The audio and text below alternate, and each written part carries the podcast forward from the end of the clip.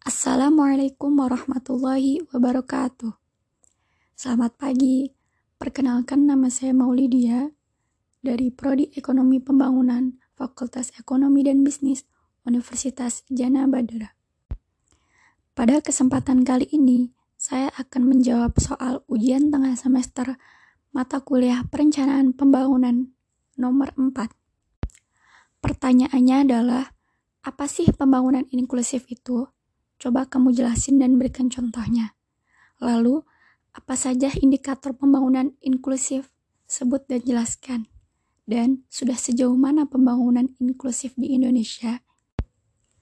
Jawaban saya dari pertanyaan tadi adalah Menurut World Economic Forum, ekonomi inklusif merupakan suatu strategi untuk meningkatkan kinerja perekonomian dengan perluasan kesempatan dan kemakmuran ekonomi, serta memberi akses yang luas pada seluruh lapisan masyarakat. Namun, pengertian dari World Economic Forum tersebut tidak serta-merta bisa diaplikasikan di Indonesia karena faktor seperti disparitas serta kondisi sosial budaya. Di Indonesia sendiri, melalui Bappenas, mendefinisikan pembangunan ekonomi inklusif sebagai pertumbuhan ekonomi yang menciptakan akses dan kesempatan yang luas bagi seluruh lapisan masyarakat secara berkeadilan, meningkatkan kesejahteraan, dan mengurangi kesenjangan antar kelompok dan wilayah. Dan pada saat ini, hampir di semua negara, difabel merupakan salah satu dari kelompok yang terpinggirkan – di mana difabel masih mendapatkan kesulitan untuk mendapatkan perhatian sebagai objek dalam program-program pembangunan, sekaligus sebagai subjek atau pelaku aktif. Dengan dalih bahwa masih banyaknya isu yang harus dipikirkan selain masalah difabilitas, sering kali menjadi alasan bagi beberapa tokoh pembangunan untuk mengesampingkan isu difabilitas atau bahkan tidak memberikan perhatian sama sekali terhadap isu ini. Namun, ada juga contoh yang bisa kita lihat bahwa sebenarnya banyak pihak yang sudah memberikan perhatian kepada difabel secara nyata. Misalnya, melalui upaya pembangunan aksesibilitas untuk difabel di fasilitas umum seperti pembuatan plengsengan untuk pemberhentian bus Trans Jogja di Yogyakarta dan pembuatan jalur panduan untuk tunanetra di trotoar Jalan Malioboro, Yogyakarta. Akan tetapi, karena upaya untuk pembangunan selama ini masih lebih banyak didominasi adanya pengkotakan antara pembangunan untuk masyarakat umum atau pembangunan untuk masyarakat non-difabel dengan pembangunan khusus untuk difabel.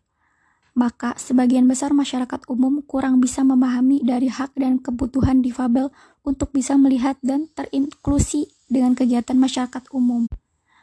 Hal tersebut bisa dilihat dari Ditutupinya jalur panduan untuk tunanetra dengan kios-kios dagangan oleh masyarakat yang tidak tahu akan kepentingannya. Atau sebagai contoh lain adalah tertutupnya pelengsengan untuk pemberhentian bus dengan pot tanaman yang mengakibatkan teman-teman difabel, terutama yang memakai kursi roda, tidak bisa mengaksesnya. Selanjutnya, indeks pembangunan ekonomi inklusif untuk mengukur inklusivitas pembangunan di Indonesia melalui aspek pertumbuhan ekonomi, ketimpangan dan kemiskinan, serta akses dan kesempatan. Pembangunan ekonomi inklusif mempunyai tiga pilar.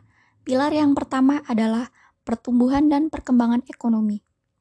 Pilar yang kedua, pemerataan pendapatan dan pengurangan kemiskinan. Lalu yang terakhir atau pilar ketiga, perluasan akses dan kesempatan. Dari pilar tersebut terdapat beberapa indikator. Yang pertama, Sumbangan pendapatan perempuan. Sumbangan pendapatan perempuan ini merupakan sebuah indikator yang menggambarkan seberapa besar diskriminasi upah yang terjadi antara laki-laki dan perempuan. Sumbangan pendapatan perempuan ini dihitung dari proporsi angkatan kerja perempuan dikalikan rasio upah perempuan terhadap rata-rata upah. Maka semakin tinggi nilai sumbangan pendapatan perempuan, semakin baik dan merata sebuah perekonomian. Indikator selanjutnya yaitu presentase penduduk yang memiliki jaminan kesehatan. Hal ini menunjukkan besaran cakupan jaminan kesehatan pada masyarakat. Jaminan kesehatan ini bersifat sebagai jaring pengaman bagi masyarakat ketika mengalami kendala kesehatan. adanya jaminan kesehatan ini merupakan salah satu indikasi masyarakat bahwa memiliki kualitas hidup yang lebih baik karena masyarakat terbantu dalam urusan finansial ketika menghadapi masalah kesehatan. Lalu, indikator selanjutnya ada tingkat kesempatan kerja.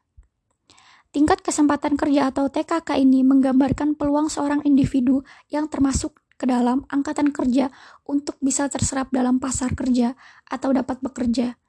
Semakin besar angka TKK, maka akan semakin baik pula kondisi ketenaga kerjaan dalam suatu wilayah tersebut. Indikator selanjutnya ada angka harapan lama sekolah. Angka harapan lama sekolah ini didefinisikan sebagai lamanya sekolah yang diharapkan akan dirasakan oleh anak pada umur tertentu di masa mendatang dan diasumsikan bahwa peluang anak tersebut akan tetap bersekolah pada umur-umur berikutnya sama dengan peluang penduduk yang bersekolah per jumlah penduduk untuk umur yang sama saat ini. Angka harapan lama sekolah ini dihitung untuk penduduk berusia 7 tahun ke atas. Angka harapan lama sekolah ini juga dapat digunakan untuk mengetahui kondisi pembangunan sistem pendidikan di berbagai jenjang yang ditunjukkan dalam bentuk lamanya pendidikan yang diharapkan dapat dicapai oleh setiap anak.